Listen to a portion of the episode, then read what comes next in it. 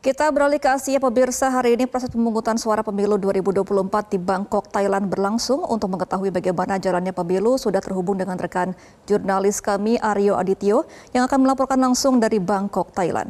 Selamat pagi Aryo, bagaimana jalannya pemungutan suara di lokasi Anda saat ini? Selamat pagi Gawat Tanjung. Uh, pemilihan uh, umum tahun 2024 di Bangkok sudah dilaksanakan pada hari ini pada dimulai jam 8 pagi dan nanti akan diakhiri pada jam 6 sore.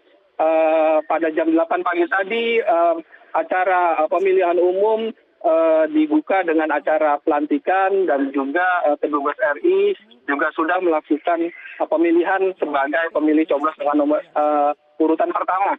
Uh, dari sejak pagi sudah ramai, uh, uh, puluhan pemilih juga sudah melakukan menunaikan kewajibannya untuk pemilih dan hari ini uh, diharapkan 1.183 pemilih yang akan datang ke TPS uh, akan hadir sampai pada jam 6 sore nanti. Di Bangkok sendiri jumlah DPT-nya untuk pemilu tahun 2024 adalah 1.590 orang.